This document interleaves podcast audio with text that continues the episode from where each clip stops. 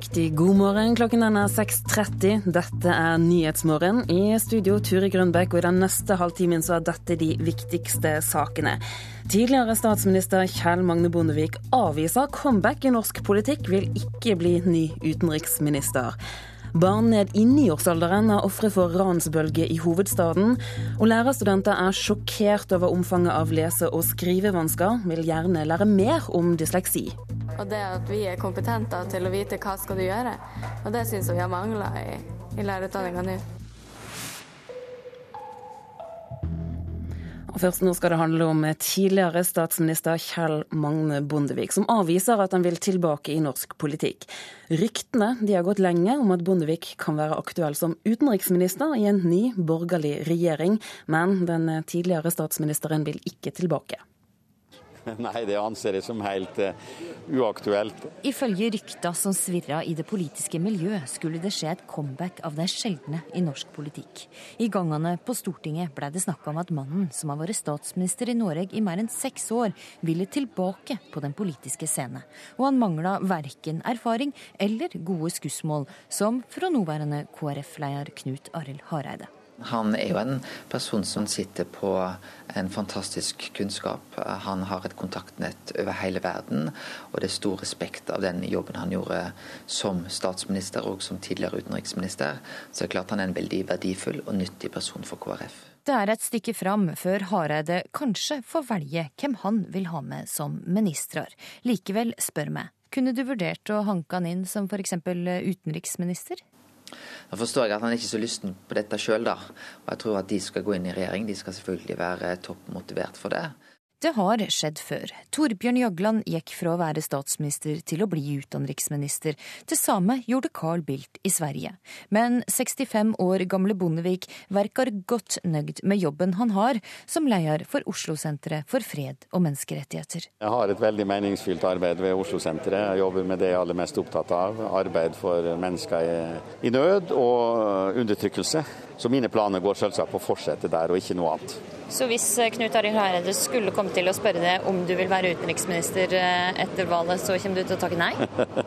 ja, nei, Det anser jeg som helt uaktuelt. Jeg tror han og partiet nå vil og bør benytte seg av yngre folk som nå er i politikken, og KrF er heldigvis mange gode kandidater. Om Erna Solberg ville likt å sjefe over sin tidligere sjef, hun var minister under Bondevik i hans andre regjering, det vet vi ikke. Tror du Erna hadde likt å ha han med? Jeg tror Erna har veldig stor respekt for Kjell Magne Bondevik. Jeg tror òg at hun har lært veldig mye av hans lederegenskaper. Han var en fantastisk regjeringssjef. Han fikk laget til å stå sammen. Men er ikke det et godt argument for å få han med videre, da? Jo, det kan du si. Men så er det sånn at han må være lysten på dette. Og han er nå fullt engasjert i sitt fredsarbeid. Og det er klart han ser resultatene av det, og det tror jeg er en stor motivasjon for han å fortsette nettopp der. Reporter her var Astrid Randen. Redaktør for samfunnsavdelingen i Vårt Land, Berit Aalborg. Hva tror du får vi se Bondevik som statsråd etter valget? Det jeg i hvert fall syns er veldig interessant, er at han sier at han anser det som uaktuelt. Han sier ikke 'nei, det vil jeg ikke'. Og det er jo litt sånn Det er jo ofte sånn at politikere som han, de er altså gamle ringrever. De holder alltid en bakdør åpen. Men jeg tror ikke det er så aktuelt at han kommer inn i regjeringen. Men språkbruken her er verdt å merke seg? Språkbruken er verdt å merke seg. De sier ikke 'jeg vil ikke', de sier de anser det som uaktuelt. de som har lyst til å bli statsråd og har den type ambisjoner, hvordan driver de på om dagen? Nei, De er jo vel opptatt av å markere seg. Um, og det er veldig mange som har lyst. Og, men dette her er jo de aller gjeveste jobbene i norsk politikk. Og hvis du, hvis du ser hvem som virkelig har sjanse til å komme inn, f.eks. se på Høyre, så er det sånne drevne politikere som Jan Tore Sanner, Bent Høie, Ine Marie Eriksen. Og de har gode sjanser. Um, men det er sånn at alle partiene har noen de absolutt vil ha inn. La oss si f.eks. KrF. De, vil, de, de, kommer helt sikkert til å prøve å få inn en politiker som Hans Olav Syversen. Fremskrittspartiet kommer til å ville få inn en politiker som Ketil Solvik-Olsen. Og Venstre kommer til å ville ha inn en person som Trine Skei Grande hvis de kommer i regjering. Og når disse personene er inne, da er det, da er det litt mer tilfeldig hvem som kommer inn. Hva er det som spiller inn da? Nei, Det kan f.eks. være geografi, det kan være kjønn. Det kommer litt an på hvilken departementer disse partiene får. Så det er mange kabaler som skal gå opp i en sånn sammenheng. Hvor viktig er det med noen overraskelser? Overraskende personer? Jeg tror det er viktig at man har noen som er litt ferske og nye. Men det er også ekstremt viktig i sånne posisjoner at man har eh, tung erfaring, og man skal helst kunne håndtere eh, kinkige spørsmål fra Stortinget, og man skal vite hva man gjør når man sitter i en sånn posisjon. For Vi har jo sett at folk har trådt feil, f.eks. sånn som Audun Lysbakken. Han var, ikke, han var liksom ikke helt eh, god nok til å vite helt hvordan departementet fungerte, så han måtte gå pga. det. Hva slags poster er det tøffest kamp om? Ja, det er jo, I tillegg til statsministeren, selvfølgelig, så er finansministerposten og utenriksposten to posisjoner som er veldig tunge, og som de aller fleste, eller som alle partiene vil ha. Det er liksom prestisjejobbene. Men også departementer som helse, arbeid og skole. Det er også liksom markeringsdepartementer som er viktige for partiene å ha. Hvordan eh, opererer partiene nå da for å hva skal jeg si, finne ut av feltet og hvem som kunne egne seg hvor? Jeg tror partiene har en rimelig god oversikt. og de, de, sitter nok og tenker og fører lister for hvem de kan få hvis de kommer inn i det og det departementet. Men den viktigste kampen står rett og slett først om å få de tunge departementene. Hva har det å si hvem som blir statsråd til syvende og sist? Ehm, det er ganske altså det, som, ehm, det som er det aller viktigste for partiene, er at de faktisk får et departement. Det er kjempeviktig. Eh, men, men, la oss si f.eks. at Fremskrittspartiet skulle få Justisdepartementet. Så betyr ikke det at de kommer til å gjennomføre Fremskrittspartiets justispolitikk. Blir, til slutt blir de sittende og gjennomføre en politikk som hele regjeringen står bak.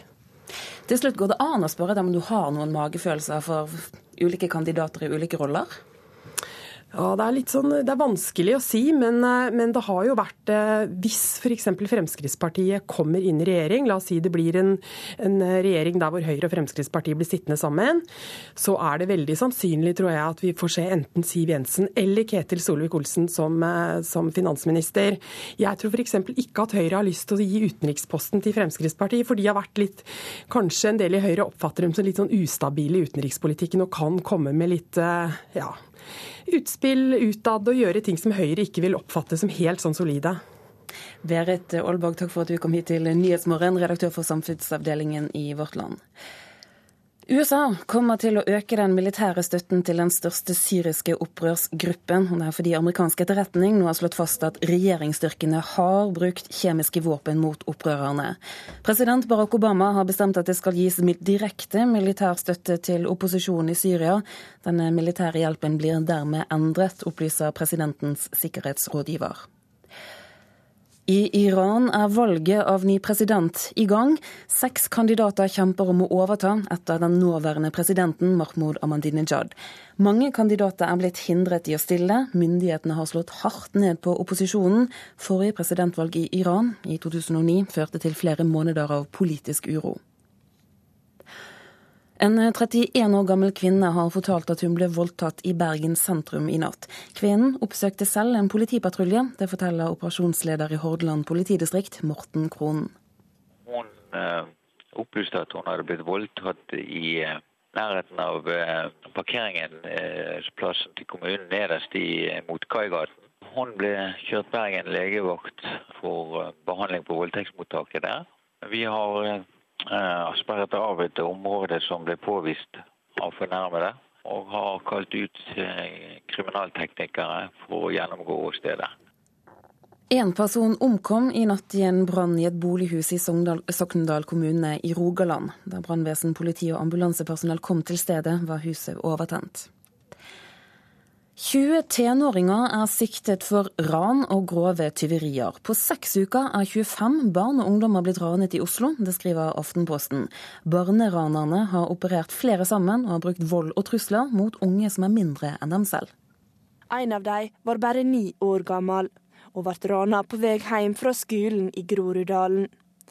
En tolv år gammel gutt ble så traumatisert etter å ha blitt rana at han ikke gikk på skolen på ei uke. Til sammen er 25 barn og ungdommer blitt rana i løpet av seks veker. De fleste rana har skjedd i Groruddalen på østkanten av Oslo, skriver Aftenposten. Ranerne har brukt både vold og trusler for å presse barna til å gi fra seg mobiltelefoner og andre verdisaker. Dette har ført til at mange er redde og frykter nye slike hendinger. Mange er merka for livet, sier stasjonssjef ved Stovner politistasjon i Oslo, Jon Roger Lund.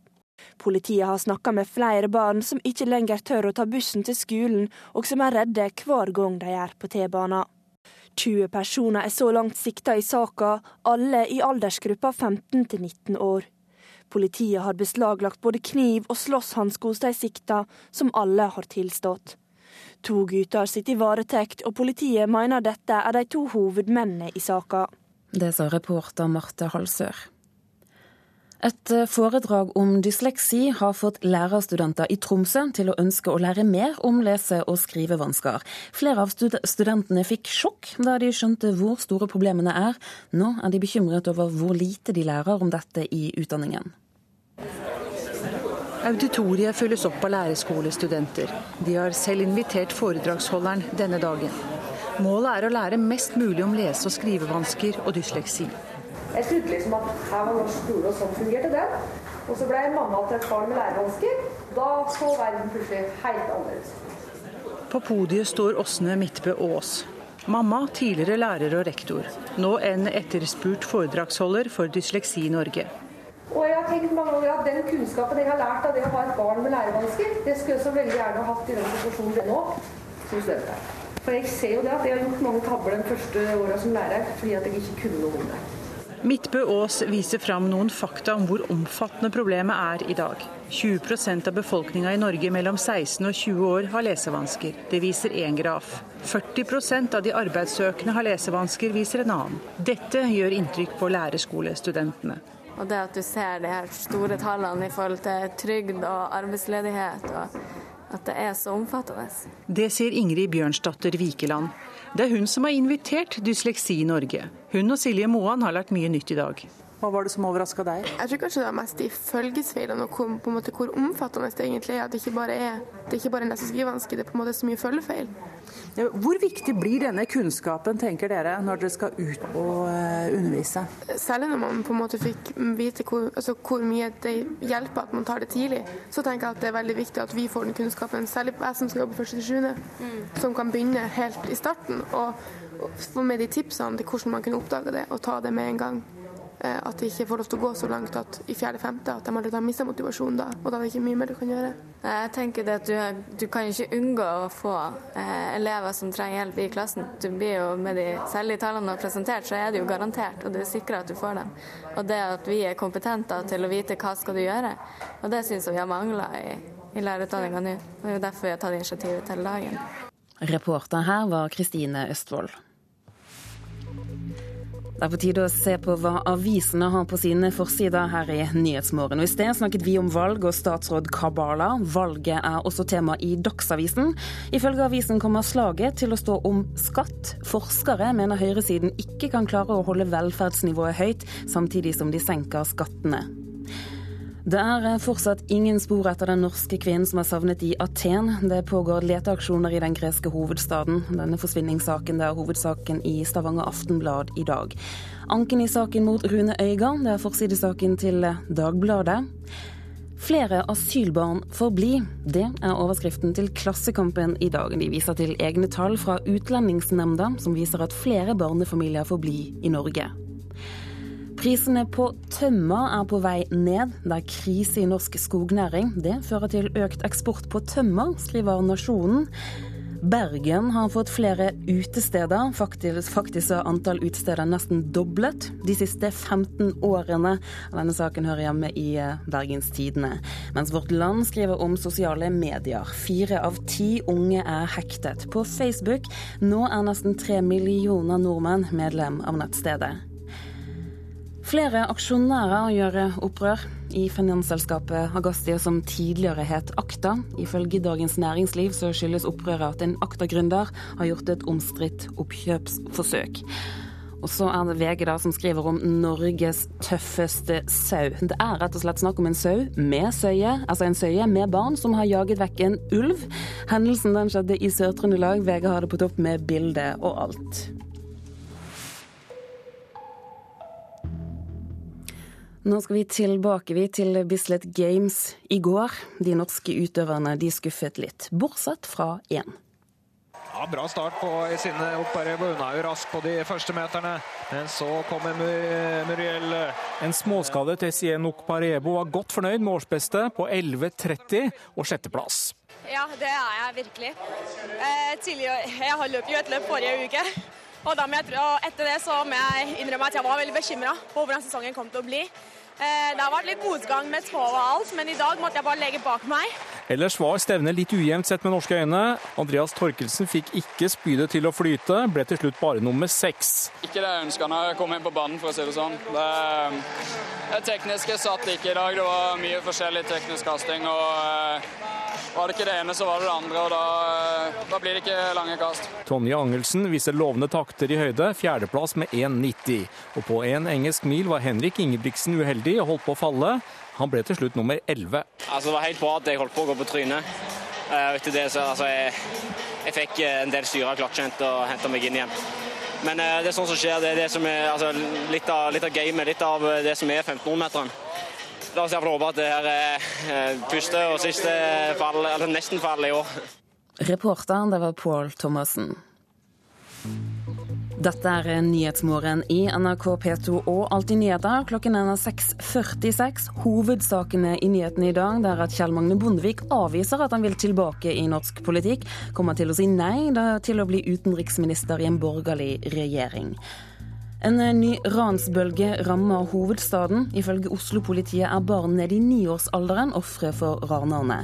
Og bli med oss videre i sendingen, for straks skal det handle om en mulig ny trend på norske teatre, nemlig ekstremt lange forestillinger. Akkurat nå skriver Jon Fosse et tolv timer langt stykke om Edda. Det blir mer om dette straks. I dag er det verdens blodgiverdag. Behovet for blodgivere er stort. Sommeren er en særlig vanskelig tid for blodbankene. Færre enn vanlig gir blod fordi de er på ferie, noe som gjør det til en utfordring å fylle opp lageret. Da er vi klar. Vil du nok kjenne til å stakke litt til, sånn. Bioingeniør Mai Helen Hansen jobber i blodbanken ved St. Olavs hospital i Trondheim. Det nærmer seg ferie, og det er stort behov for flere blodgivere. Spesielt sommeren er ikke ei enkel tid på året for blodbankene. Ja, det er jo litt vanskelig. Det er vanskelig å få tak i blodgiverne, for de òg er jo på ferie. Og det er jo ferietid for oss som jobber på blodbanken, så vi er jo litt redusert bemanna vi òg. Så det er ikke så enkelt bestandig hvis det er stort blodforbruk. Og det vet en jo aldri. At mange reiser vekk, merkes godt blant både blodgivere og innkallingspersonale ved blodbanken. Vi bruker de blodgiverne vi har eh, veldig godt, og til tider litt for ofte. Så det er mange flere meldinger og telefoner som må sendes ut og tas for å fylle opp eh, listene til dagens eh, produksjon. Det sier leder ved blodbanken, Kjell Rune Logan Halvorsen. Han mener derfor man må jobbe mer for å rekruttere flere blodgivere. Vi trenger å øke blodgiverkorpset vårt fra dagens 7000 til kanskje 8000. Ja så kom jeg i blod. Reporter Ingrid Blåsmo Aronsen. Hallingdal er et mekka for stisykling. Det hevder initiativtakerne for en ny linje på Hallingdal folkehøgskole. Her skal stisykling være hovedfag. Det forteller initiativtaker Martin Kilmark, mens han demonstrerer sykkelen sin for NRKs utsendte. Dette er da en eh, tradisjonell stisykkel. Den har eh, demping foran og bak. Demperen bak kan du låse av på styret, sånn at det blir lettere å sykle opp.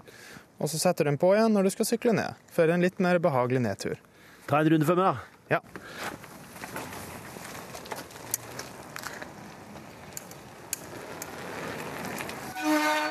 Martin Kilmark har sammen med Vivi Sponland gått i bresjen for å starte ei eiga stisykkellinje ved Hallingdal folkehøgskole til høsten. Vivi Sponland slår her et slag for den litt ukjente sporten stisykling. Stisykling er en uh, veldig fin måte å komme seg ut i naturen på. Da setter man seg på sykkelen og sykler i vei på de stiene som man kanskje tenker at man kan gå på også. Nå står vi her ved Hallingdal folkehøgskole. og Hvorfor akkurat her? Hallingdal har eh, i de siste kanskje tre årene blitt eh, et mekka for stisykling, rett og slett. Her har vi stier i alle bauger kanter, på fjellet, i skogen og ja, overalt. Veldig nære fra vår skole, da. Så da er det jo logisk å starte opp en slik linje her i Hallingdal. Hvor skal dere om vinteren, da? På vinteren så har vi jo da like bra fjell med ski, da, vet du. Ski og brett skal man kose seg med her i Hallingdal. og samme unike muligheten med bare rett opp i Hemsedal eller Hemsedalsfjellene eller rundt oss her like ved skolen. Så er, vi ligger som plommen i egget både i forhold til ski og sykkel. Stibiten av sykkelsporten har eksplodert de siste åra, sier Martin Kilmark.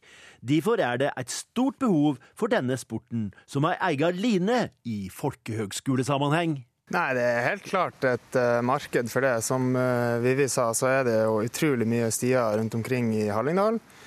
Man ser jo i Ål, på Ål i sommer så arrangeres det noe som heter Hillbilly Huckfest. Det er en sykkelfestival. Den har blitt utrolig mye mer populær de siste årene. Og sykkel både på sti og på landevei har jo blitt eh, utrolig stort i det siste, men den stibiten har eksplodert de tre siste årene. Har dere testa interessa for å ha egen linje for stisykling? Ja, vi har jo vært rundt omkring i markedet. Jeg sjøl sykler veldig mye i Hallingdal. Og har snakka med veldig mange i miljøet som sier at det her hadde vært utrolig stort. Og at det er på sin plass at det kommer ei sykkellinje på folkehøgskolen her i, på Gol.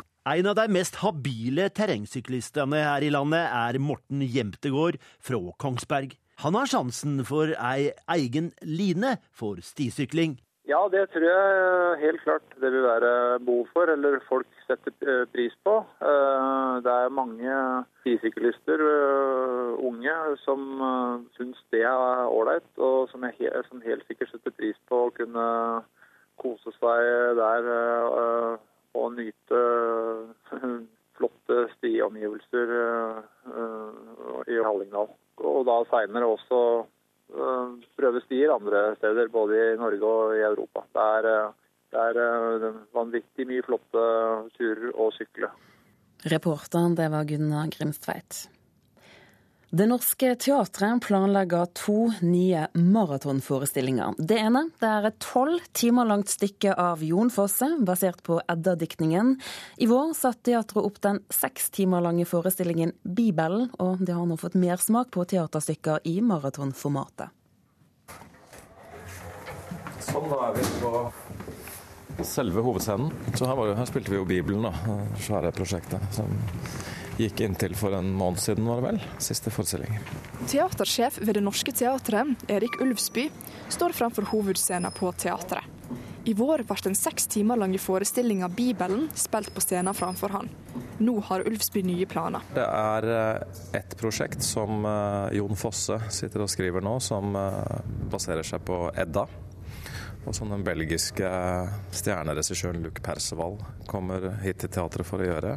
Det ser ut til at det blir også i samarbeid med tysk teater, slik at vi skal ha både tyske og norske skuespillere, og at vi skal spille både i Tyskland og i Norge. Om oppsetninga av Bibelen var lang med sine seks timer, er det mulig at stykket til Fosse blir det dobbelte. Det er et prosjekt som Luc har stipulert til å vare i tolv timer. Vi får se. Men det er ikke bare et tolv timer langt stykke av Jon Fosse Ulfsby har planer om å sette opp. Det andre er eh, den andre verdenskrig. Så vi er i veldig, veldig konstruktiv og, og, morsom dialog med de største dramatikerne i verden rundt eh, det prosjektet, som kanskje skal spilles på natten. Men det er ikke bare Det Norske Teatret som tilbyr publikum timeslange forestillinger. Festspillene i Bergen satte i vår opp til nesten seks timer lange stykket Silukant. Og Torshov-teatret har i september premiere på Også videre. Et stykke på fem timer. Da skal vi se, her er det første manuset mitt, og det slutter på side 162. Heidi Goldmann spiller ei av hovedrollene i videre. Skuespilleren har et helt spesielt forhold til timeslange teaterstykker. Når jeg på en måte oppdaget teatret som ung, på slutten av 80-tallet, begynnelsen av 90-tallet, så var det, da var det også veldig mange sånne lange forestillinger. Og jeg må jo si at for meg var det en sånn Ja, det var kanskje sånn jeg oppdaget teatret. At uh, Følelsen av å være på en sånn slags festival. Da, at man er sammen en, uh, med både skuespillere og som publikum. Allan Lucien Øyen regisserte stykket 'Silukant', som i vår hadde premiere under Festspillene i Bergen. Han tror det er en grunn til at folk kommer på de lange forestillingene. Jeg tror folk liker å følge karakterer over lengre, lengre tid, få være i noe over lenger. Som jeg har sagt mye når jeg ble konfrontert med vår forestilling, som var nærmere seks timer. Da, hvor alle sa liksom å, seks timer. det, det, det, det, er virkelig hvor sjokkert folk blir altså, når de hører det. Prøver å si at det er jo ikke mer enn en fem episoder av Sopranos på slengen, liksom, eller Mad Men. Og det gjør jo folk glatt på en søndag ettermiddag. Og premieren på Fosse-stykket blir mest sannsynlig høsten 2015 og våren 2016. Reporter var Camilla Indestad. Så til en som har gjort stor suksess med sine eventyr om bl.a. Mozart, Bach, Beethoven og Grieg. Nå er Minken Fossheim aktuell med eventyret om operastjernen Kirsten Flagstad. Det er jo alltid morsomt å fortelle historier om spesielle mennesker som har gjort noe spesielt. Kom fort før journalistene kaster seg over oss!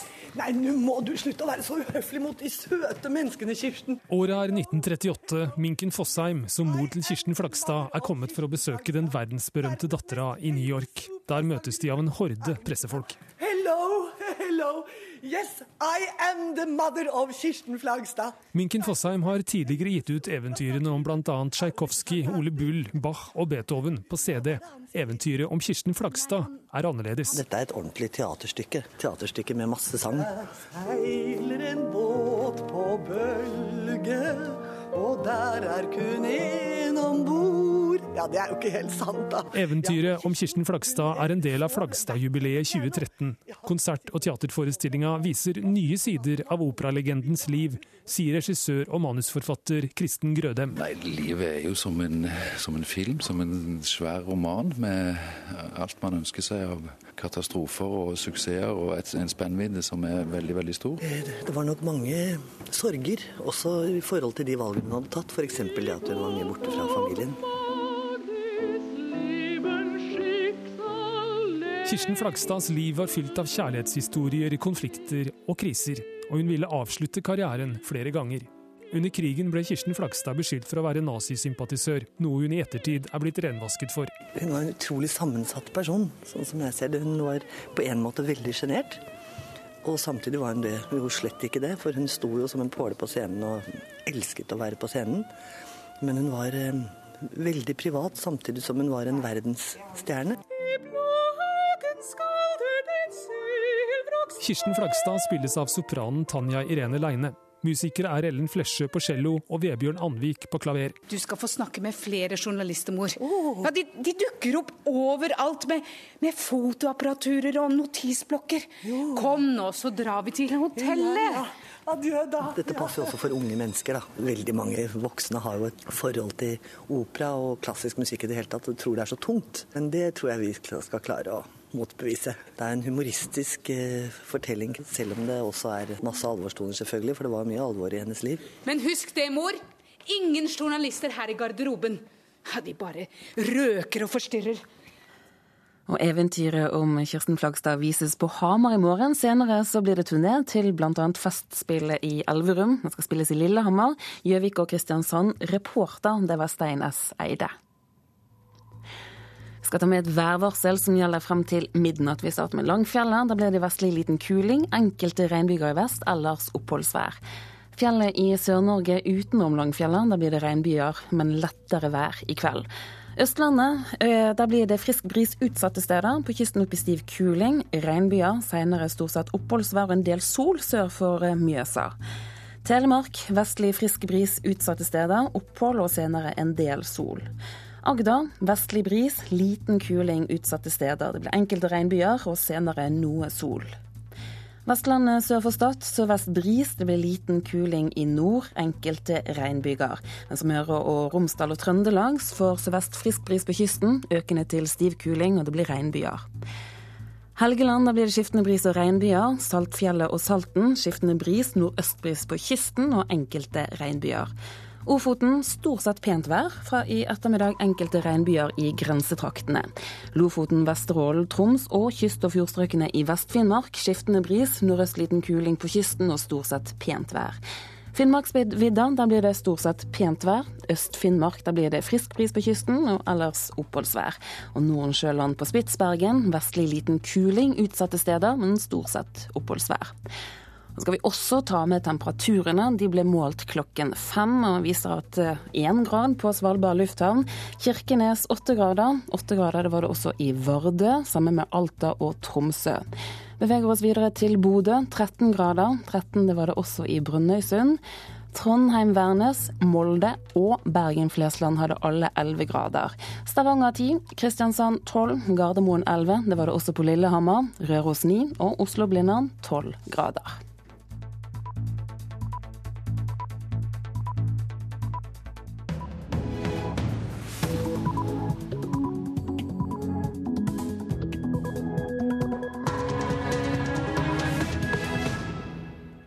Klokken er sju, og du lytter til Nyhetsmorgen. I studio, Turi Grønbæk. Dette er en nyhetsoppdatering. Barn ned i niårsalderen er ofre for ransbølge i hovedstaden. Ranerne har brukt både vold og trusler for å presse barna til å gi fra seg mobiltelefoner og andre verdisaker. Slurv med sikkerheten på arbeidsplassen, for lange arbeidsdager og mangler overtidsbetaling. Nesten alle fiskemottakene i Lofoten og Vesterålen får refs av Arbeidstilsynet. Det er altfor dårlig. Det er skuffende. Det er mer enn det som er vanlig som snitt av næringslivet i Norge. Jeg sier Lars André Godvik, som er senioringeniør i Arbeidstilsynet. USA vil gi direkte militær støtte til opposisjonen i Syria, fordi amerikansk etterretning mener å ha klare bevis på at regjeringsstyrkene har brukt kjemiske våpen mot opprørerne.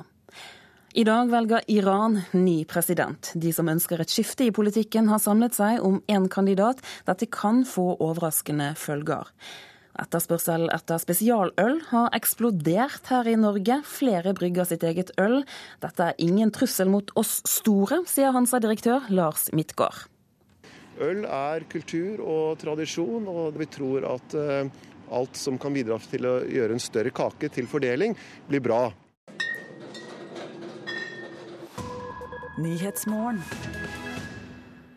Nå til at 25 barn og ungdommer ble ranet flere steder i Groruddalen i Oslo i løpet av seks uker.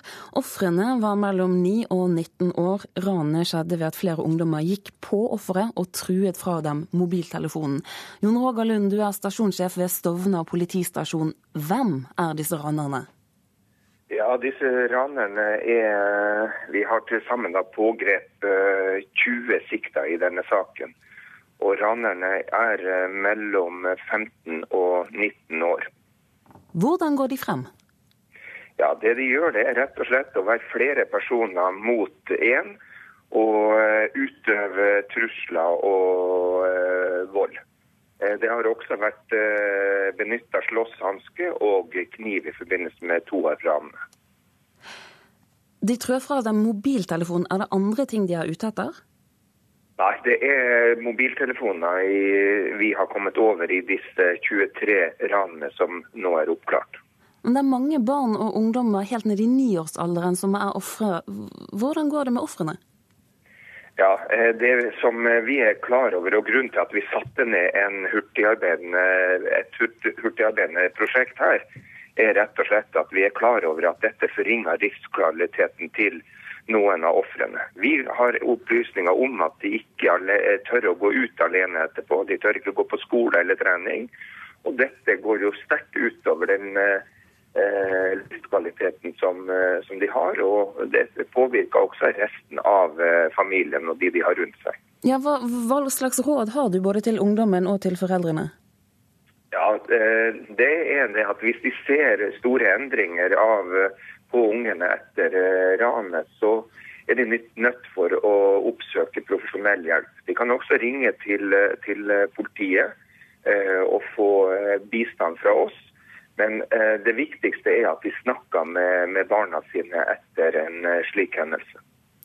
Vi snakker nå om Groruddal i Oslo, men har du hørt om at dette er et problem andre steder i landet? Nei, altså, Dette er nok et fenomen eh, som, eh, som er veldig begrensa til, eh, til Groruddalen akkurat nå. Dette har jo skjedd i, fra midten av april også fram til slutten av mai. Og Det er som sagt 20 sikta i denne saken, og hvorav to er over 18 år og sitter nå i varetekt. Jon Roger Lund, du er stasjonssjef ved Stovner politistasjon. Takk skal du ha. Nå til Arbeidstilsynet, som refser nesten alle fiskemottakene i en stor tilsynsaksjon i Lofoten og Vesterålen. Mange slurver med sikkerheten på arbeidsplassen. Næringen er en versting sammenlignet med mange andre bransjer, ifølge tilsynet. Nok en fullasta fiskebåt legger til kai. Rekordmye fisk i havet ga mye arbeid til fiskemottakene i år. Men næringa er en versting sammenlignet med mange andre bransjer, sier Lars André Godvik, senioringeniør i Arbeidstilsynet. Det er altfor dårlig. Det er skuffende. Det er mer enn det som er vanlig som snitt av næringslivet i Norge. 41 av 43 fiskemottak Arbeidstilsynet har besøkt i Lofoten og Vesterålen fikk pålegg i ulik grad. Mange slurver med å sikre at arbeidsplassen er trygg, sier Godvik. Ja, Man kan risikere at eh, trucker som brukes, kraner som brukes, ikke er i den stand som de skal være. Og, og det har jo en sikkerhetsmessig konsekvens. Det skjer en del eh, arbeidsulykker i denne bransjen her. Det gjør det. De ser også spesielt alvorlig på at mange bedrifter ikke følger arbeidskontraktene. Det vil si man skriver en avtale på man skal jobbe så og så mange timer per uke, og så er det plutselig mangel på råstoff osv., og, så videre, og eh, arbeidstakerne får ikke møte på jobb. Eh, og, eller at de behandles nærmest som tilkallingsvikarer. da. I andre tilfeller så betyr det at man ikke har fått utbetalt eh, overtidsbetaling. Bedriften Røst Sjømat er en av de som fikk pålegg fra Arbeidstilsynet i aksjonen. Det de fikk kritikk for, retta de opp med en gang. Daglig leder Geir Børre Johansen sier at det er bra å få råd fra Arbeidstilsynet når sesongene er så korte og hektiske. Når det gjelder eh, Arbeidstilsynet, så eh, er det sånn at de jobber ofte ikke imot bedrifter, men de kommer ofte med råd og veiledning hvordan du kan unngå eh, skader og ulykker i, i fiskeindustrien. Og det jeg tror jeg de aller fleste produsentene er, er opptatt av at ikke noe sånt skal skje. Reportere var Eirin Årdal og Knut Eirik Olsen. Direktør for industri i fiskeri- og havbruksnæringen sin landsforening, Geir Ove Istmark. Altså 41 av 43 mottak fikk pålegg. Hva synes du om det? Det er et eh, for høyt uh, tall. Samtidig så må vi ikke uh, må vi, må vi, se litt nærmere på hva som er bak tallene. Ja, Hva er årsaken til at fiskerinæringen får så mange pålegg? For det første er det slik at Noen av påleggene kan være mer kurante saker, noen kan være alvorlige. Det som er Den viktigste årsaken det er at torskesesongen er svært kort. Den går fra februar til april. Da skal det fiskes store mengder torsk. Eh, I år er eh, kvota rekordstor. Vi har aldri hatt en høyere kvote. Det betyr at vi skal håndtere veldig store kvantum på et veldig kort tidsrom. Og Hva slags utfordringer byr det på? Det byr på utfordringer i forhold til arbeidstidsbestemmelser. Eh, når fisken ikke kommer til kai mellom åtte og fire, og når fisken ikke strekker seg gjennom hele, hele sesongen, så betyr det at du må gjøre mye arbeid på et kort tidsrom. Det kan utfordre en del av de arbeidstidsbestemmelsene vi har. Det gjør også at man skal gjennomføre veldig mange operasjoner på, på kort, eh, kort, tid, og at man da må kunne ha fokus på, på arbeidssikkerhetsbestemmelser, samtidig som man skal gjennomføre et, en tøff sesong. Men siden fiskeribransjen er sesongbetont, bør en ikke da være rustet for at det kan bli høyt press i perioder? Selvsagt. Og, og, vi sier ikke at man skal, at det er eh, akseptabelt med, med, med bemerkninger. Vi påpeker at noen av disse bemerkningene på Arbeidstilsynet virker for også være mer kurante saker. Andre er det saker som man må ta på, på høyt uh, alvor. Vi opplever, også, vi opplever, også, at bedriftene i stor grad har hatt et godt samarbeid med Arbeidstilsynet, akkurat som vi har hørt fra Røst Sjømat. Ja, hvordan ta dette på alvor? Hva bør gjøres? Vi som bransje har et uh, kontinuerlig fokus på det. Så må vi også huske at veldig mange av bedriftene, spesielt i Lofoten og Vesterålen, er små bedrifter. Mange av dem er også uorganisert. Vi i FHL arbeider mot de bedriftene som er våre medlemmer, og har et veldig godt samarbeid med dem, også i arbeidstakerspørsmål. Og vi arbeider tett sammen med NNN som arbeidstakerorganisasjon. Men altså, hva slags ulykker, hvis vi kan prøve å se for oss det, som, er det snakk om eh, som har skjedd? Ja, nå, nå, nå, er det ikke noen konkrete ulykker som omtalt i denne seansen. Det som kan skje, er selvsagt både ulykker med trykk og med, med kran som, eh, som kan eh, skape skader. Men hovedbildet er knytta til brudd på arbeidstidsbestemmelser. Mange av sakene er også mer kurante, kurante saker, så vi må ikke lage et svart-hvitt bilde om at det er veldig farlig å jobbe i norsk fiskerinæring. Men disse utfordringene, hva slags inntrykk har du av at hvordan bransjen selv tar tak i det? Jeg mener at vi som bransje skal ha et kontinuerlig fokus på det å sikre sikkerheten til arbeidstakere. Så er det andre spørsmål som også er litt av politisk karakter, som det med arbeidstidsbestemmelser. Der skal bedriftene forholde seg til det som er den enhver tid vedtatt regelverk, men samtidig må vi som bransjeorganisasjon kunne gå inn i diskusjoner om hvorvidt dagens regelverk er tilpassa en virkelighet hvor man skal forholde seg til korte sesonger, og hvor mange arbeidstakere og arbeidsgivere ønsker å ha et, et mer konsentrert arbeid med større bolker med fri. Geir Ove Istmark, takk for at du var med oss, direktør for industri i Fiskeri- og havbruksnæringen sin landsforening. Opposisjonen i Syria får nå direkte militærstøtte fra USA. Det har president Barack Obama bestemt. Årsaken er at amerikansk etterretning nå har klare bevis på at regjeringsstyrkene har brukt kjemiske våpen mot opprørerne. Allahu Akbar!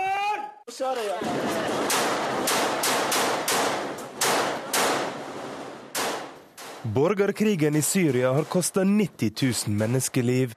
Ifølge amerikansk etterretning er 100-150 av disse dødsfallene pga. kjemiske våpen.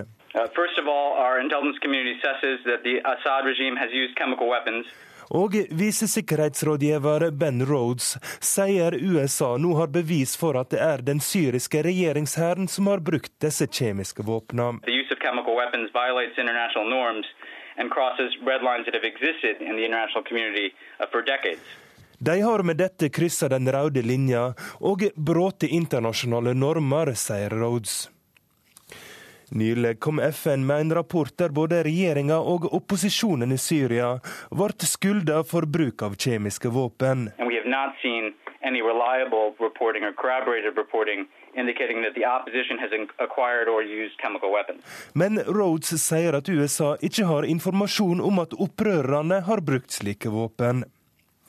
Og på bakgrunn av de nye opplysningene vil nå president Barack Obama forsyne opposisjonen i Syria med militært utstyr.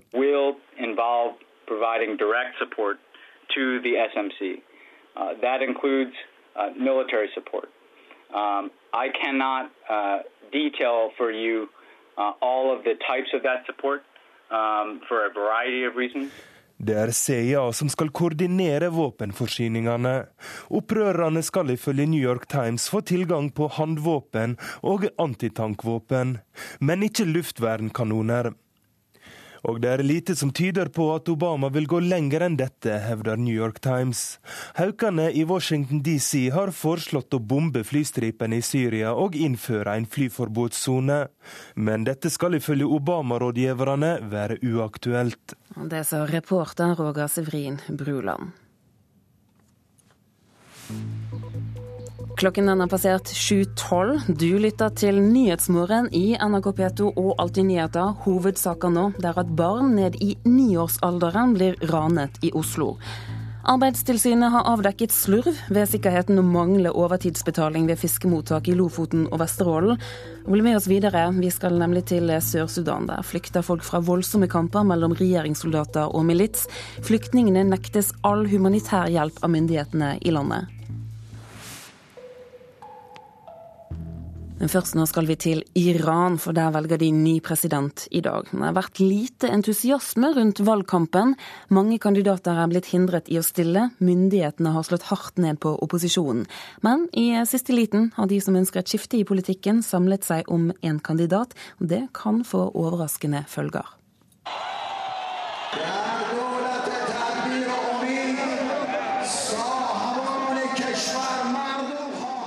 Dette er et unntak. Et stort folkemøte med den eneste gjenværende reformkandidaten i Irans presidentvalg, Hassan Rouhani. Til sine tilhengere sier han at en regjering med forsiktighet og håp, det er hans slagord, skal folket bli eiere av landet. Rouhani har fått styrket sitt kandidatur den siste uka. Først fordi mange reformister ikke fikk lov til å stille i det hele tatt, deretter fordi en annen kandidat trakk seg, og for ikke å snakke om at lederne fra sist valg, som Mir Hussein Mosawi, fortsatt sitter i husarrest.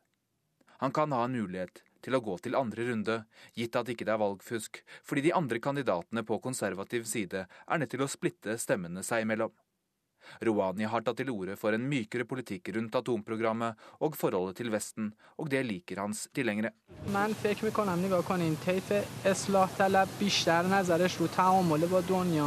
Jeg tror reformistene har et bedre forhold til verden, og det vil kunne gjøre at turismen og økonomien går bedre, sier Togi, en miniatyrmaler til nyhetsbyrået Associated Press.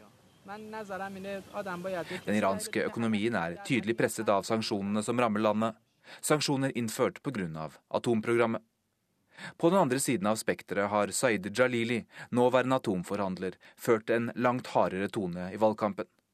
Han er da også kjent for sin religiøsitet, og som veteran fra Irak-Iran-krigen, hvor han mistet det høyre benet. En annen kandidat som også har markert seg, men kanskje mer på økonomiske spørsmål, er borgermesteren i Teheran, Mohammed Bager Kalibaf. En fjerde viktig kandidat er tidligere utenriksminister Ali Akbar Velayati. Felles for de alle er at de har tette bånd til regimet. De har kommet gjennom nåløyet og dermed fått en godkjenning også av den øverste lederen Ayatollah Ali Khamenei. Det er altså han som har siste ordet i de avgjørende spørsmålene knyttet til landets utenrikspolitikk og atomprogrammet. Det er vanskelig å forutsi resultatene i dette valget. Det finnes ingen skikkelige meningsmålinger, og særlig etter valget i 2009 kom det mange påstander om uregelmessigheter. Det har i det hele vært en underlig valgkamp.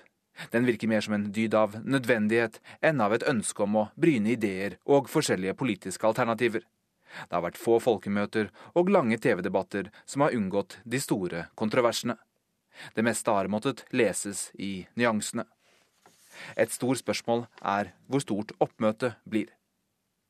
Dette valget viser et av Irans paradokser.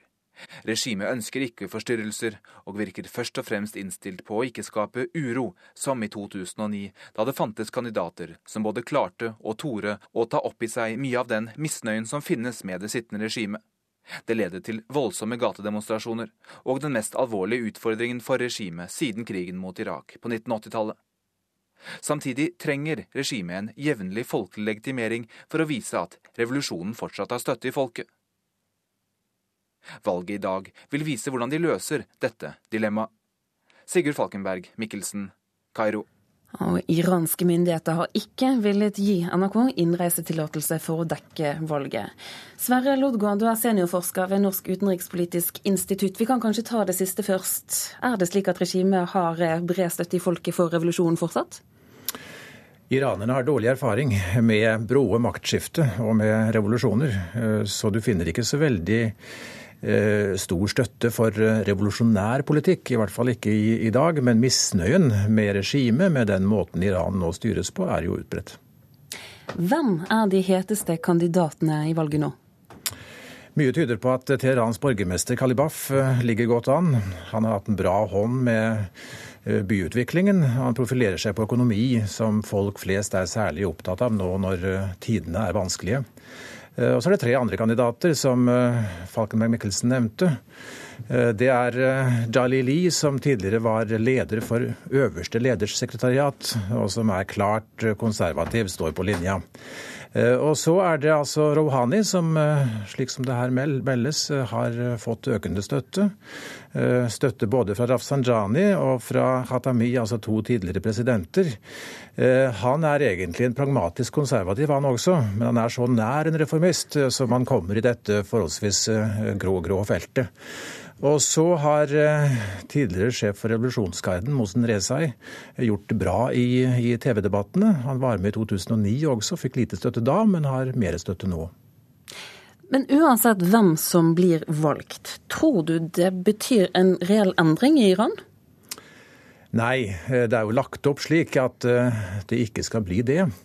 Kandidatene siles jo av øverste leder, og dette feltet preges altså av konservatisme og, og, pragmatikk. Og det er tydelig at øverste leder vil ha en forandring eh, fra Ahmadinejad, den utgående, eh, som eh, har vært en stor populist og snakket i ideologiske termer også.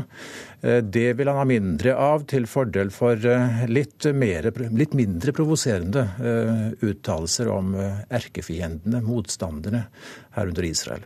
Aha. Hva tror du, hvordan skal vi se for oss at valget blir nå? Ja, Nå går det i to omganger, etter all sannsynlighet. For det er ingen kandidat som får så mye som 50% av stemmene i, i, første omgang. Og da er vel eh, tipset da at uh, Kalibaf eh, kommer bra ut i dag. Vi får se. Det er store usikkerhetsmomenter i dette. Og det er åpent hvem av de andre som kvaler inn og som får være med i, i andre omgang, som finner sted den 21. juni. Du nevnte Israel, men valget kan det få noen betydning for eh, Irans eh, generelle forhold til omverdenen? Ikke så mye, for eh, utenriks- og atompolitikken bestemmes jo i hovedsak av øverste leder og, og revolusjonsgarden. Eh, presidenten skal fronte politikken utad, det er riktig, men heller ikke Ahmadinejad har hatt noen avgjørende innflytelse på de røde linjene, på hovedlinjene i denne politikken, for det tilligger øverste leder. Presidenten, må vi huske, eh, er viktig, men om han er nummer to etter øverste leder, eh, det er ikke helt åpenbart. I noen sammenhenger ja, i andre sammenhenger er det andre maktsentra i Iran som er viktigere. Sverre Lodgaard, takk for at du kom hit til Nyhetsmorgen, seniorforsker ved Norsk utenrikspolitisk institutt. Vi skal til Sør-Sudan nå, for det er svært urolig i en av de største delstatene. En av militsene i området kjemper for sin egen stat og er nå i voldsomme kamper mot regjeringshæren. Folket flykter. Flyktningene har verken tilgang til rent drikkevann, mat eller medisiner, og nektes all humanitær hjelp av sørsudanesiske myndigheter. Kyrre du er styreleder i Leger uten grenser. Hvordan vil du beskrive tilstandene i Sør-Sudan nå? Jeg vil beskrive situasjonen i delstaten Yonglei som veldig prekær. Det er en humanitær katastrofe som er, er på vei. Eh, over 100 000 mennesker har flyktet fra hjemmene sine ut i skogen. Og eh, der har de ikke tilgang til, eh, til, medisinsk hjelp. De har ikke tilgang til noen av de eh, tingene de har hjemme hos seg selv. Og ingen eh, organisasjoner får tilgang til disse menneskene. Eh, og Leger uten grenser har overhodet ikke anledning til å få komme inn og hjelpe. Og det som er farlig nå, det er at regntiden er på vei i dette området. Så dette området hvor disse menneskene nå har gjemt seg, vil snart stå under vann. Hvorfor får de ikke hjelp? De er, eh, alle organisasjoner har blitt nektet adgang eh, inn i dette området her. Leger uten grenser har eh, ved gjentatte anledninger spurt, eller forlangt, å få komme inn og, og besøke disse menneskene, se hvordan de har det, og hjelpe dem. Leger uten grenser hadde, eller drev, det lille av eh, medisinske helsetjenester som var i dette området tidligere. Nå er disse sykehusene rasert og, og plyndret, og det er jo ingen som har en oversikt over det i det hele tatt hva som skjer. Det er slik at Dere har sendt brev til utenriksministeren og bistandsministeren og bedt norske myndigheter nå rett og slett om å hjelpe til. Hva kan Norge gjøre? Norge har en eh, nøkkelrolle eh, i Sør-Sudan. Norge har vært eh, fødselshjelper for den sørsudanske stat. Eh, Norge er, er tungt til stede gjennom eh, bistand, demokratibygging, alt mulig. Så vi har sendt et brev til Espen Barth Eide og Heikki Holmås og bedt om at Norge bidrar, og Norge ber sørsudanesiske myndigheter om å få tilgang til disse flyktningene. Jeg trodde det ville hjelpe? Det er vanskelig å si, men uh, Leger uten grenser forlanger å få tilgang. Uh, alle har rett på medisinsk hjelp, så uh, det her er en oppfordring til norske myndigheter. Hvordan blir dialogen mellom dere og norske myndigheter fremover nå? Ja, nå har vi sendt et brev til, til utenriksministeren og utviklingsministeren. Vi har ikke fått noe svar på det ennå. Men det er opp til de å finne en løsning, eller det er opp til de å, å, å, å hjelpe til. Og de har jo direkte kontakt med sør-sudanesiske myndigheter. Kyrilin, takk for at eh, du kom hit til Nyhetsmorgen. Vi skal eh, nå kikke på avisene og se på forsidene, og vi skal starte i Stavanger. For eh, Stavanger Aftenblad melder at det fortsatt ikke er noen spor etter den norske kvinnen som har savnet i Aten. Det pågår leteaksjoner i den greske hovedstaden. Valget det er tema i Dagsavisen. Ifølge avisen så kommer slaget til å stå om skatt. Forskere mener høyresiden ikke kan klare å holde velferdsnivået høyt samtidig som de senker skattene. I Dagbladet er det anken i saken mot Rune Øygard som er forsidesaken, mens Klassekampen sin overskrift lyder som følger 'Flere asylbarn får bli'. De viser til egne tall fra Utlendingsnemnda som viser at flere barnefamilier får bli i Norge. Bergen har fått flere utesteder. Faktisk så er antall utesteder nesten doblet de siste 15 årene. Det skriver Bergens Tidende. Prisene på tømmer er på vei ned, og det er krise i norsk skognæring. Det fører til økt eksport på tømmer, skriver Nasjonen. Vårt Land skriver om sosiale medier. Fire av ti unge er nemlig avhengig av Facebook. Nå er nesten tre millioner nordmenn medlem av nettstedet. Flere aksjonærer gjør opprør i finansselskapet Agasti, som tidligere het Akta. Ifølge Dagens Næringsliv så skyldes opprøret at en Akta-gründer har gjort et omstridt oppkjøpsforsøk. Og Norges tøffeste sau, det er toppsaken i VG. Det er rett og slett snakk om en sau, en søye med barn, som har jaget en ulv. Hendelsen den er fra Sør-Trøndelag, og VG har forsiden med bilde og alt. Etterspørselen etter spesialøl har eksplodert i hele Norge, og det er en økning i folk som brygger sitt eget øl. I Østfold har nye mikrobryggerier etablert seg på alle fylkets kanter, både i Askim, Fredrikstad og Halden. Det er Molta bygg. Det er jo det som gir Det er jo kroppen til ølen. Joakim Grandal er i gang med å brygge sitt eget øl. Så For å få ut sukkeret så er det jo viktig å meske det på riktig riktige temperaturer. Så gjæret har noe Gjæret har noe å spise når det skal lage alkohol og kullsyre. Han har åpna mikrobryggeri og pub i Halden. I åpningshelga gikk haldenserne mann av huset for å prøvesmake ølet hans. Det var det vi håpa å selge i løpet av en måned, som vi solgte på fredag. Og det gikk tomt på lørdag. Og hele 1200 liter ble tappa og solgt på få timer. Interessen for spesialøl har eksplodert i Norge de siste åra. Og også i Østfold har flere mikrobryggerier dukka opp. På Vinmonopolet står Andreas Moum og titter blant ølhyllene. Han er ganske representativ for den nye spesialøltrenden. Og begynte sånn smått eh, med noen på jobben som var interessert i øl, og begynte å brygge øl. Og så begynte jeg å bli litt småinteressert i det, og prøvde litt andre typer øl. Og da var det bare som en ny verden som åpna seg, egentlig. Altså. Så begynner jeg å brygge øl sjøl, og da, da, blir det en, en genuin interesse, egentlig. Som alle type folk som er veldig interessert i vin, så, så går det over i den, eh, den type kategori, det. I Moss er Varnaveien Mineralvann et av de mest populære ølutsalgsstedene. Terje Arnesen er butikkansatt og hjelper bl.a. folk med å kjøpe eget bryggeutstyr. Han tror en kraftig økning i hjemmebrygging også er et utslag av den økende ølinteressen. Nå har vi solgt uh, bryggeutstyr et drøyt år. Har begynt litt i det små, men uh, nå skal vi virkelig utvide, for da er det mange som brygger øl hjemme. Altså. Vi er tilbake hos Joakim i hans mikrobryggeri i Halden. Han er enig i at hjemmebrygga øl bidrar til spesialølinteressen. Nå er det veldig mange som uh, finner ut at en kan brygge bedre øl hjemme enn det du får kjøpt i butikken. At det er faktisk det er ikke vanskelig å lage godt øl.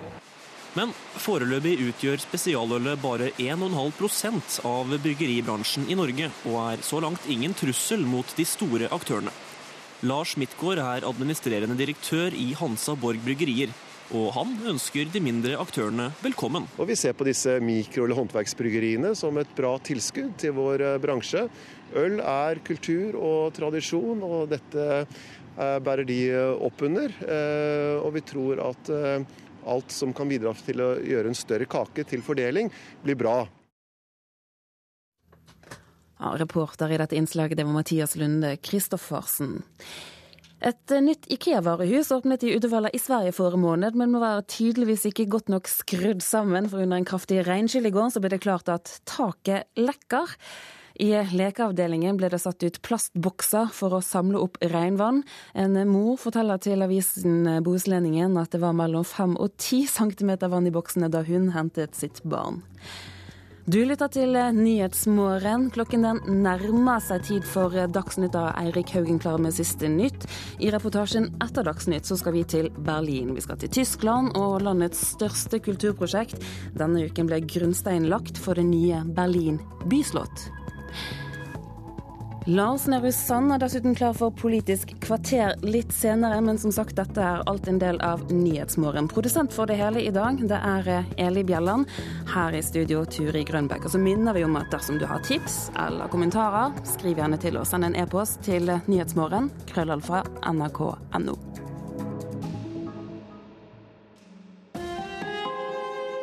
Hør ekko. Tenk om det nye Munch-museet hadde blitt bygd på Tøyen og ikke i Bjørvika.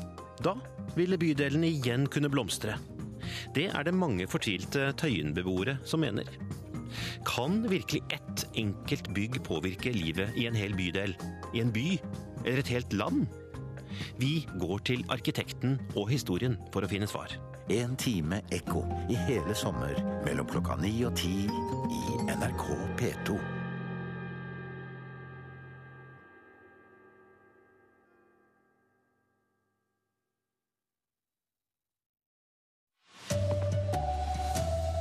Tenåringer i Oslo raner barn helt ned i niårsalderen. Arbeidstilsynet refser nesten alle fiskemottakene i Lofoten og Vesterålen. Og Kjell Magne Bondevik avviser comeback i norsk politikk. Her er NRK Dagsnytt klokka 7.30. Barn helt ned i niårsalderen har blitt ofre for en ransbølge i Oslo. På seks uker er 25 barn og ungdommer blitt ranet i Oslo, skriver Aftenposten. Ranerne har brukt vold og trusler mot unge som er mindre enn dem selv, sier Jon Roger Lund, stasjonssjef ved Stovner politistasjon. Det de gjør, det er rett og slett å være flere personer mot én og eh, utøve trusler og vold. Eh, det har også vært eh, benytta slåsshanske og kniv i forbindelse med to av ranene. En av dem var bare ni år gammel og ble rana på vei hjem fra skolen i Groruddalen. En tolv år gammel gutt ble så traumatisert etter å ha blitt rana at han ikke gikk på skolen på ei veke. Til sammen er 25 barn og ungdommer blitt rana i løpet av seks veker. De fleste rana har skjedd i Groruddalen på østkanten av Oslo, skriver Aftenposten. Ranerne har brukt både vold og trugsler for å presse barna til å gi fra seg mobiltelefoner eller andre verdisaker. Dette har ført til at mange er redde og frykter nye slike hendinger. Mange er merka for livet, sier stasjonssjef ved Stovner politistasjon i Oslo, Jon Roger Lund. Vi har opplysninger om at de ikke tør å gå ut alene etterpå. De tør ikke gå på skole eller trening. Og dette går jo sterkt utover den eh, livskvaliteten som, eh, som, de har. Og det påvirker også resten av eh, familien og de de har rundt seg. 20 personer er så langt sikta i saka, alle i aldersgruppa 15 til 19 år. Politiet har beslaglagt både kniv og slåsshansker hos de sikta, som alle har tilstått. To gutter sitter i varetekt, og politiet mener dette er de to hovedmennene i saka. Reporter var Marte Halsør. Nesten alle fiskemottakene Arbeidstilsynet besøkte i en stor tilsynsaksjon i Lofoten og Vesterålen, får refs. Mange slurver med sikkerheten på arbeidsplassen, og næringen er en versting sammenlignet med andre bransjer, ifølge tilsynet. Nok en fullasta fiskebåt legger til kai.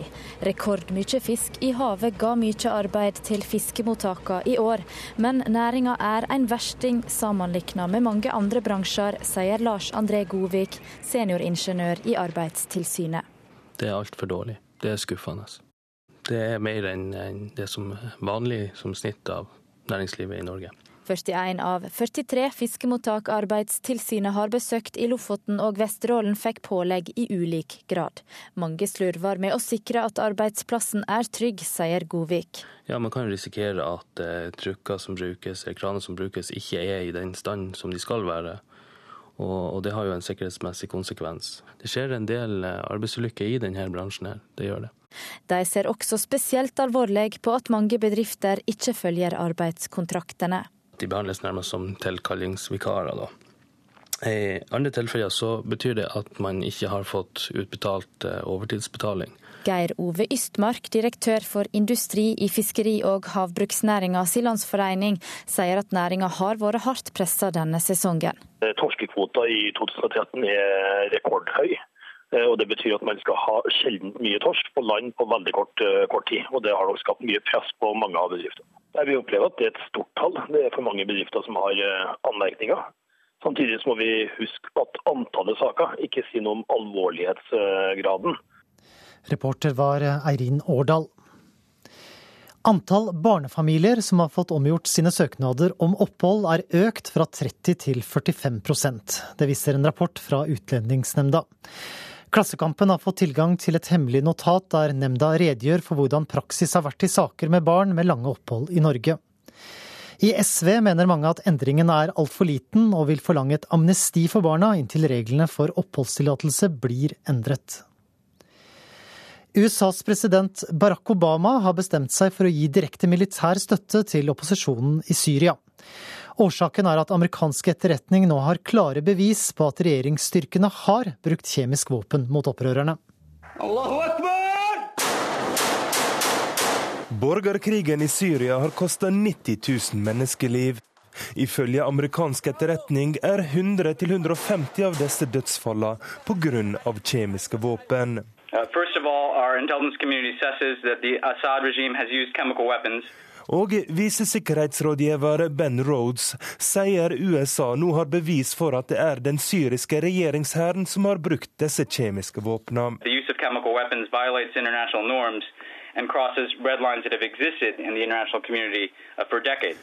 De har med dette kryssa den røde linja og brutt internasjonale normer, sier Rhodes. Nylig kom FN med en rapport der både regjeringa og opposisjonen i Syria ble skylda for bruk av kjemiske våpen. Men Rhodes sier at USA ikke har informasjon om at opprørerne har brukt slike våpen. Og på bakgrunn av de nye opplysningene vil nå president Barack Obama forsyne opposisjonen i Syria med militært utstyr. We'll providing direct support to the SMC. Uh, that includes uh, military support. Det er CIA som skal koordinere våpenforsyningene. Opprørerne skal ifølge New York Times få tilgang på håndvåpen og antitankvåpen, men ikke luftvernkanoner. Reporter var Roger Severin Bruland. Tidligere statsminister Kjell Magne Bondevik avviser at han kan gjøre comeback i norsk politikk. Ryktene har gått lenge om at Bondevik kan være aktuell som utenriksminister i en ny borgerlig regjering, men selv avviser han dette. Nei, det anser jeg som helt uh, uaktuelt. Ifølge rykta som svirra i det politiske miljøet, skulle det skje et comeback av de sjeldne i norsk politikk. I gangene på Stortinget ble det snakka om at mannen som har vært statsminister i Norge i mer enn seks år, ville tilbake på den politiske scene. Og han mangla verken erfaring eller gode skussmål, som fra nåværende KrF-leder Knut Arild Hareide. Han er jo en person som sitter på en fantastisk kunnskap. Han har et kontaktnett over hele verden, og det er stor respekt av den jobben han gjorde som statsminister og som tidligere utenriksminister. Det har skjedd før. Torbjørn Jagland gikk fra å være statsminister til å bli utenriksminister. Det samme gjorde Carl Bildt i Sverige. Men 65 år gamle Bondevik verker godt nøyd med jobben han har som leder for Oslo-senteret for fred og menneskerettigheter. Jeg har et veldig meningsfylt arbeid ved Oslo-senteret. Jeg jobber med det jeg aller mest opptatt av, arbeid for mennesker i, i nød. Så mine planer går selvsagt på å fortsette der, og ikke noe annet. Så hvis eh, Knut Arild Hareide skulle komme til å spørre deg om du vil være utenriksminister eh, etter valget, så kommer du til å takke nei? ja, nei, det anser jeg som helt uaktuelt. Jeg tror han og partiet nå eh, vil og bør benytte seg av yngre folk som nå er i politikken, og KrF er heldigvis mange gode kandidater. Og reporter var Astrid Randen. Så sport og beskjeden 'Jeg kommer tilbake', som kom fra verdens raskeste mann etter at han hadde herjet på Bislett og slettet den 17 år gamle banerekorden på 200 meter. For nesten like raskt bestemte Usain Bolt seg for å komme tilbake til Oslo og Bislett neste år. Etter løpet var det tid for feiring, med DJ Bolt i spissen. Usain Bolt viste strålende form både på Bislett, hvor han satte ny banerekord, men også på etterfesten, hvor verdens raskeste mann styrte hele som DJ. Men allerede før nattens festligheter lovte Bolt å komme tilbake til Oslo og Bislett.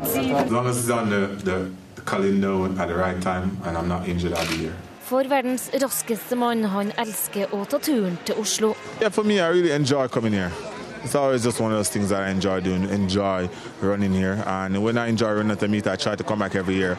Men Sirkusbolt er langt fra billig. Om lag to millioner kroner måtte arrangøren bla opp med i år, en pris NRK vet at har økt betraktelig.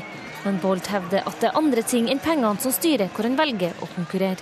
If it's not where I want to go, I won't because it's, it won't be any fun for me. Going there, it won't be the energy that I want. So it's always just all about the crowd, the track, and it's the fun first, then the money after. Thanks for the love, Oslo. I'll be here next year. Same time. Make some noise! Reporter her var Kristine Norvik Skeide. 40% av nordmenn mellom 18 og 25 år som har konto på Facebook, sier de er avhengig av nettsamfunnet.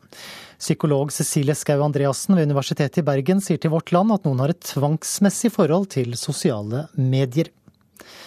Ansvarlig for sendingen i dag har vært Elin Pettersen, teknisk ansvarlig Per Ivar Nordahl, og her i studio har du hørt Eirik Haugen. Nyhetsmorgen fortsetter nå i Tyskland og til det største kulturprosjektet, og også noe som tar på seg Berlins historie. Denne uken ble grunnsteinen lagt for det nye Berlin byslott. Det er et byggverk som kommer til å dominere sentrum av den tyske hovedstaden, og som sannsynligvis trekker opp til én million besøkende i året. Vår medarbeider i Berlin, Arnt Stefansen, har sendt oss denne reportasjen.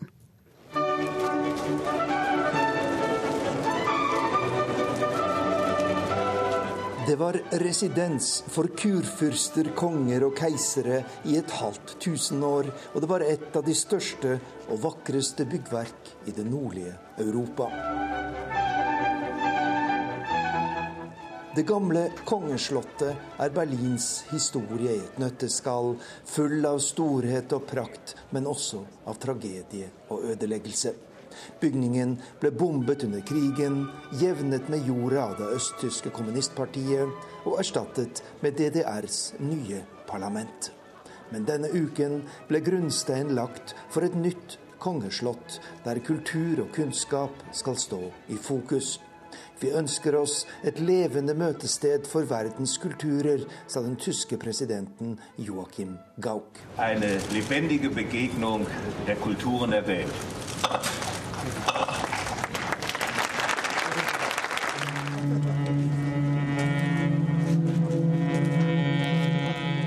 Et musikkverk med saksofon og javanesisk gong-gong er et av innslagene under seremonien.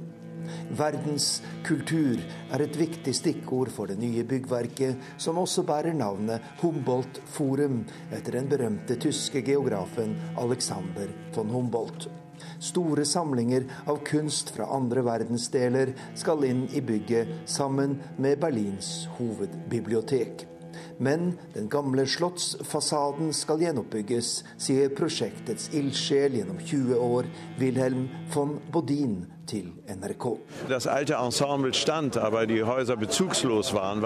De store bygningene fra det gamle Berlin sentrum står der fortsatt, men vi mangler den viktigste, kongeslottet med den berømte barokkfasaden, som var selve hjertet i denne byen i hundrevis av år. Når vi om fem-seks år får dette bygget på plass, blir Berlin vakrere og mer interessant for besøkende enn byen noen gang har vært, sier slottsentusiasten og forretningsmannen Wilhelm von Bodin. Drei, zwei, eins, Zweifel! Berlin i slutten av januar 2005. En gruppe norske og tyske kunstvenner deltar i avdukingen av en kunstinstallasjon som står på toppen av Palast der Republik, det gamle DDR-parlamentet i Øst-Berlin. Den norske kunstneren Lars Ramberg har laget installasjonen som med lysende kjempebokstaver danner ordet 'Zweifel', tvil. Dermed går kunstverket rett inn i den bitre striden om hva som skal skje med bygningen. I dag vet vi resultatet. DDR-parlamentet ble revet, og det gamle kongeslottet skal reises på ny. Men selv om grunnstein nå er lagt for det nye Berlin slott Humboldt Forum, så er tvilen fortsatt til stede hos mange berlinere. Noen rister på hodet over at en by på randen av konkurs bygger et slott til rundt en halv milliard norske kroner.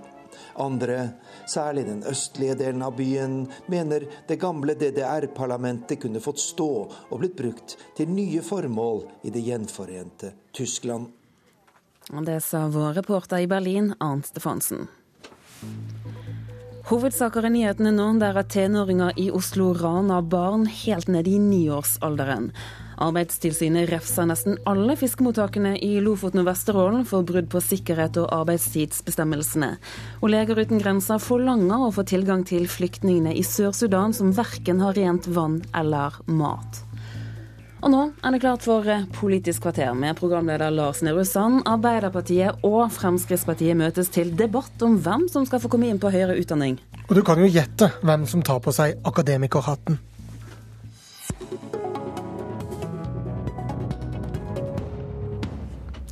Skal retten til ingeniørutdanning være forbeholdt Rødrussen? Regjeringen foreslår i dag at motiverte snekkere og rørleggere med fagbrev i hånden skal kunne søke seg inn på høyere utdanning. Alle skal med, sier Arbeiderpartiet, mens partiet for folk flest er akademisk bekymret. Og Tord Lien, utdanningspolitisk talsmann for Frp, hvorfor er dette et dårlig forslag? Nei, for det Dette handler jo ikke om å ta på seg den akademiske hatten. Dette handler jo om at Arbeiderpartiet holder disse elevene for narr. Vi vet allerede i dag at én av tre som begynner på ingeniørutdanningen, de fullfører det ikke, de faller ut. Hovedårsaken til det er at de ikke kan nok matematikk når de kommer inn.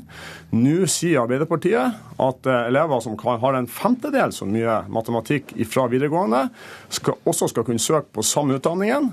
De har ingen forutsetninger for å fullføre. og elever elevene blir holdt for narr av Arbeiderpartiet. Men det handler om å utvide retten til å ta en høyere utdanning, at eh, mange på videregående skal slippe to år med allmennfaglig påbygning? Ja, Det er ett år med allmennfaglig påbygging, og vi har også etablert ved mange høyskoler det som kalles for YV1, som, eh, hvor man aksepterer da at folk med fagbrev kommer inn, men da på en fagspesifikk utdanning, altså at elektrikere kan ta elektroingeniørutdanning, men også da i et tilrettelagt løp eh, med mye matematikk i, eh, i ingeniørundervisninga, mye mer enn de kandidatene som kommer rett ifra studiespesialiserende. Denne ordninga er god har, produsert mange gode ingeniører. Den ordninga bør utvides. Det er noe helt annet enn det Arbeiderpartiet nå tar til orde for. Eh, og Konsekvensen vil sannsynligvis være at de gode Y-veiløpene nå vil bli svekka, fordi at man heller vil ta inn alle elevene i samme løp.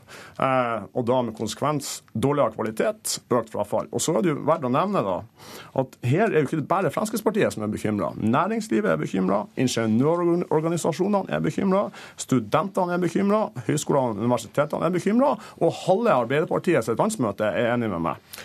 Tor Bremer, du sitter i utdanningskomiteen for Arbeiderpartiet. Hvordan skal dere nå klare å likestille eh, de som har tatt eh, yrkesfag med tre uketimer matematikk, og de som har tatt allmennfag med 15 uketimer matematikk på en ingeniørutdanning? Det er avgjørende viktig at utdanningsinstitusjonene nå eh, har et mye mer tilpassa løp, tilbud til studentene enn i framtiden. Det vil ikke være slik som Frp og Trond Lien vil ha det, det skal være A4-grupper med studenter. Studentene vil ha en mye mer mangfoldig bakgrunn. Noen vil ha ordinær studiekompetanse, andre vil ha et fagbrev, kanskje med erfaring fra arbeidslivet, som gjør at eh, de har sine behov og sine styrker i videre utdanningsløp. Men du skjønner også at det er veldig vanskelig å legge til rette for en utdanning i en klasseromsituasjon hvor studentene da vil kunne så ulikt, ha så ulike eh, forutsetninger for å studere? da? Jeg tror det er avgjørende viktig at vi nå har fokus ikke på inntakskompetansen, for den vil variere vanvittig mye, men at vi har fokus på utgangskompetansen. Eh, det er klare mål om hva en ingeniør skal ha kunnskap når han er ferdig og har bestått utdanningen sin. Det er det som må være fokus, og underveis så må man legge opp til en tilpassa undervisning for å nå dette målet. Først må man jo komme inn på studiet. og Hvordan vil du da se, uh, sammenligne det å ha karakteren 3 etter å ha hatt 15 timer med matte, og det å ha karakteren 4 etter å ha hatt 3 timer Ja, nå er det ikke slik at de med dårlige karakterer, dårlige ambisjoner, vil strømme til høyere utdanning. De vil ta seg en fagopplæring og vil være fornøyde med det. Andre vil ha ambisjoner om å bli, ta seg en ingeniørutdanning. De må kanskje ta et lite forkurs, de må være forberedt på det store trykket men kanskje som skal ikke det standardiseres, da, hvilke forkurs man må ha, f.eks.? Jo da, det skal tilpasses utdanningsinstitusjonene. Nei, tilpasses, ikke standardiseres. Du legger alt ansvar på utdanningsinstitusjonene. In- Institusjonene må ta høyde for at eh, studentene vil være mye mer bruket forsamling i framtiden enn i dag. Det har vi skjønt. Tord Lien, trenger vi ikke de ingeniørene vi kan få? Vi trenger definitivt de ingeniørene vi kan få, men når én av tre som begynner i dag med 15 uketimer matematikk, når én av tre i dag faller ifra, så får vi ikke flere ingeniører og reduserer kvaliteten på ingeniørutdanningen. At Arbeiderpartiet på alvor kan si at vi ikke skal ta hensyn til, til inngangskompetansen med opptak til høyere utdanning, er jo et oppsiktsvekkende standpunkt. Eh, og jeg er helt enig med det at når vi gir forkurs til disse yrkesfagutdanna kandidatene, så fungerer det helt utmerket. Det er folk som kan teknologi godt, som trenger hjelp til å styrke seg på de akademiske feltene, særlig matematikk, men også fysikk og kjemi. Da fungerer det helt bra. Det Arbeiderpartiet foreslår nå, det vil svekke kvaliteten, men vi kommer til å ende opp med dårligere ingeniører og færre ingeniører. Dette er altså alle teknologene og hele næringslivet enig med meg i. Påstanden om, om svekka kvalitet der de hører med hver gang vi åpner for at nye grupper skal kunne få en økt utdanning i livet, når vi åpner for studentene til høyere utdanning som er åpen for alle, så ble det argumentert sammenleis dette vil svekke kvaliteten. Da vi åpna for at vi har en videregående utdanning for alle, så var det samme argumentet som, som vi møtte med. Dette vil svekke kvaliteten. Men vi ser nå at vi har en av verdens mest utdanna befolkning, som gjør at vi har et godt velferdssamfunn. Grunnen er at vi åpner for at flere kan blusse på og øke kunnskapen og kompetansen sin. Kan du garantere meg at frafallet ikke vil øke? Kan ikke garantere noe eh, i forhold til framtiden, naturligvis. Men dette henger litt sammen med hele utdanningsløpet vårt. Hvordan vi klarer å styrke realfagundervisningen ifra, si, ifra barnehage til en ingeniørutdanning. Så det henger litt i sammen. Henger ikke nødvendigvis sammen med inntakskriterier og hvor mangfoldige studentene er. Det handler om tilpassa utdanning i ingeniørutdanning og i hele skoleløpet. Men hvor mange av de som da sitter i, eh, på ingeniørstudiet, skal komme fra, rett fra fagutdanning? Vil du ha en kvote for det? Eller er det Nei, jeg tror dette vil gå seg fint. så det kan være stor del av klassen, da? Jeg tror, jeg tror at det her går fint til. Fordi at eh, vi vil oppdage sannsynligvis at de beste studentene nå kan ta seg en fagutdanning.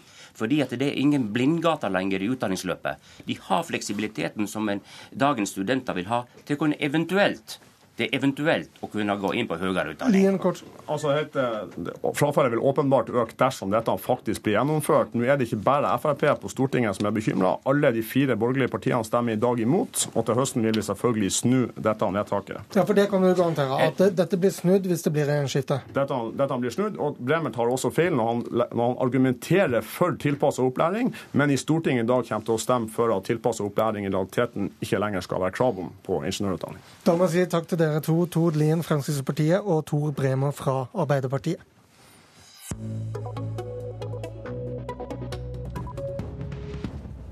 Nå oljeleting, Barentshavet. Hvor går iskanten, spør Kristelig Folkepartis stortingsrepresentant Kjell Ingolf Ropstad.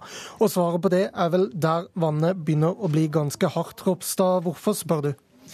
Det er fordi at Stortinget eller regjeringa nå har vedtatt at de ønsker å åpne Barentshavet sørøst. Og i det området der så vet vi at eh, iskanten og polarfronten, som følger hverandre stort sett hele tida, på visse deler av året trekker veldig langt syd. Og det området som eh, Borten Moe og regjeringa ønsker å åpne, der så jeg at eh, iskanten gikk midt igjennom i 2003. Og det vil si at i løpet av de siste ti årene så har altså isen vært midt i det området som nå regjeringa ønsker å åpne. Og da er det litt spesielt at den definerer at en ikke skal ha aktivitet ved iskanten fordi at den er så sårbar, samtidig som en sa at en ønsker å åpne hele området. Og når jeg da begynte å grave, så skjønte jeg jo at iskanten er ikke der han kan komme til å være fordi han har vært litt de siste årene. De definerer iskanten der han til enhver tid er. Og det vil si at på sommeren når det er varmere, så trekker iskanten nordover, og da kan du bore etter olje overalt.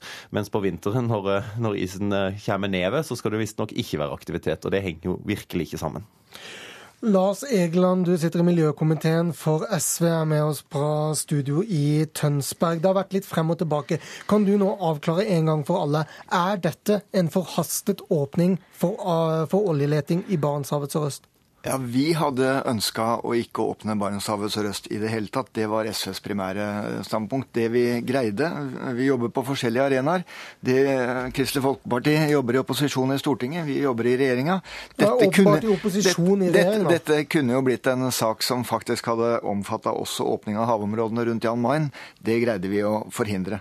Ja, så det, det var kompromisset? Dere vant Jan Mayen, men tapte iskanten? Det var Nei, vi tapte ikke iskanten. Vi tapte Barentshavet sørøst sørøst. Når det gjelder iskanten, så stiller jo nettopp Kristelig Folkeparti et godt spørsmål. Hvor går iskanten? Og det har vi ingen ordentlig god miljøfaglig definisjon på. og Derfor så sier vi at det skal ikke bores der det er is.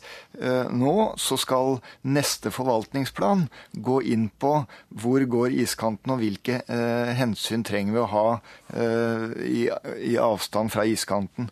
Og det er en det understrekes også at det skal være en miljøfaglig utredning. Fordi Kristelig Folkeparti har en sympatisk definisjon. Eh, fordi at den, eh, den, den er spesiell fordi den tar utgangspunkt i det meteorologiske unntaksåret 2003. Eh, og det betyr at eh, omtrent halve eh, Barentshavet sørøst ikke ble åpna. Men de fleste andre definisjoner de tar utgangspunkt i gjennomsnittlig isutbredelse. Og da vil ofte iskanten gå nord for hele dette området. Og det, dette trenger vi altså å gå miljøfaglig grundigere inn i. Vi er altså nordøst for Finnmarkskysten. Vi ser på den maksimale utbredelsen av is i Barentshavet. Og Ropstad, du forholder deg til hvor isen var i 2003, det mest isfulle året.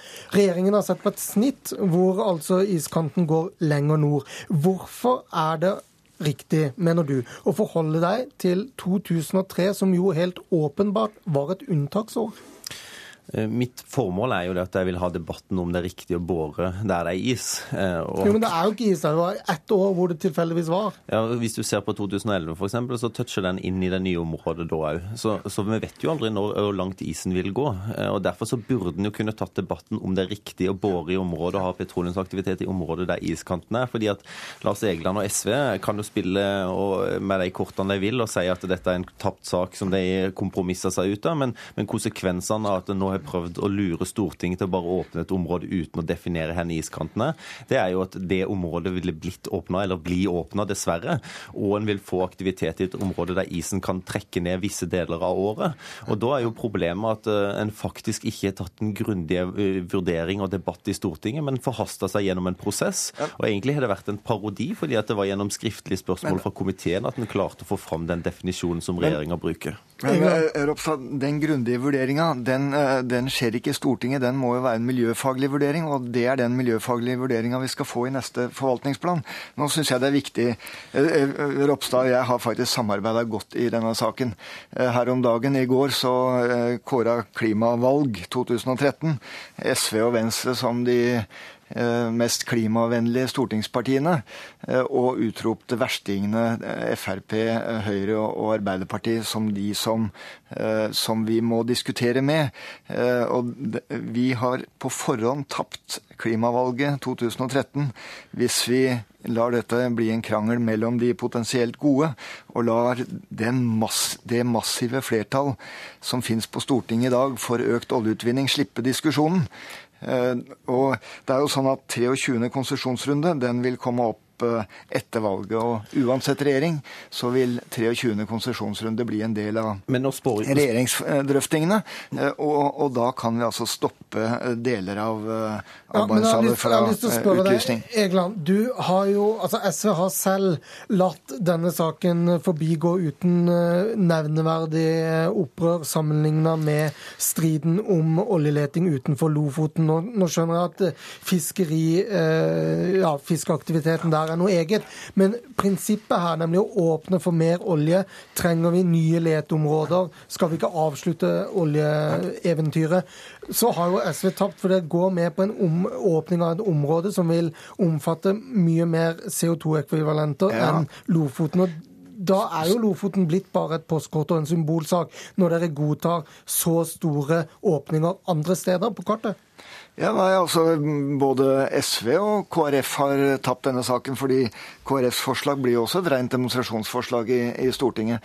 Det vi oppnådde, var som sagt altså de mest sårbare områdene som alle, eh, alle faginstansene har sagt. Det er Jan Mayen. Der blir det ikke noe forslag om utviding. Men jeg skulle selvfølgelig ønske at det ikke ble noe i Barentshavet sørøst men, det Men dette er jo helt håpløs argumentasjon, fordi Jan Mayen er jo det er bare utsatt noen få måneder. og Det som er hovedproblemet, er jo at Borten Moe har sagt at han ønsker olje oljeleting til Nordpolen og har tatt nok et steg. Og det at SV ja, aksepterer ta, at den taper denne her kampen Må vi helt... ta diskusjonen med de som ønsker oljeboring helt til Nordsjøen? Ja. Eller til Nordpolen, ikke sant? Ja, men hovedproblemet ikke... er at den forrige forvaltningsplanen slo i bordet at iskanten gikk inn i dette området. og Den kunne SV jo slått i bordet med og sagt den gjelder ennå, og da kunne de stoppa bort Den forrige forvaltningsplanen bruker gjennom, gjennomsnittlig isutbredelse de siste 30 år. Dette var Politisk kvarter den nest siste fredagen i stortingssesjonen, hvor nasjonalforsamlingen bl.a. vedtar kjønnsnøytral verneplikt. Takk for at du hører på Politisk kvarter. Mitt navn er Lars Nehru Sand.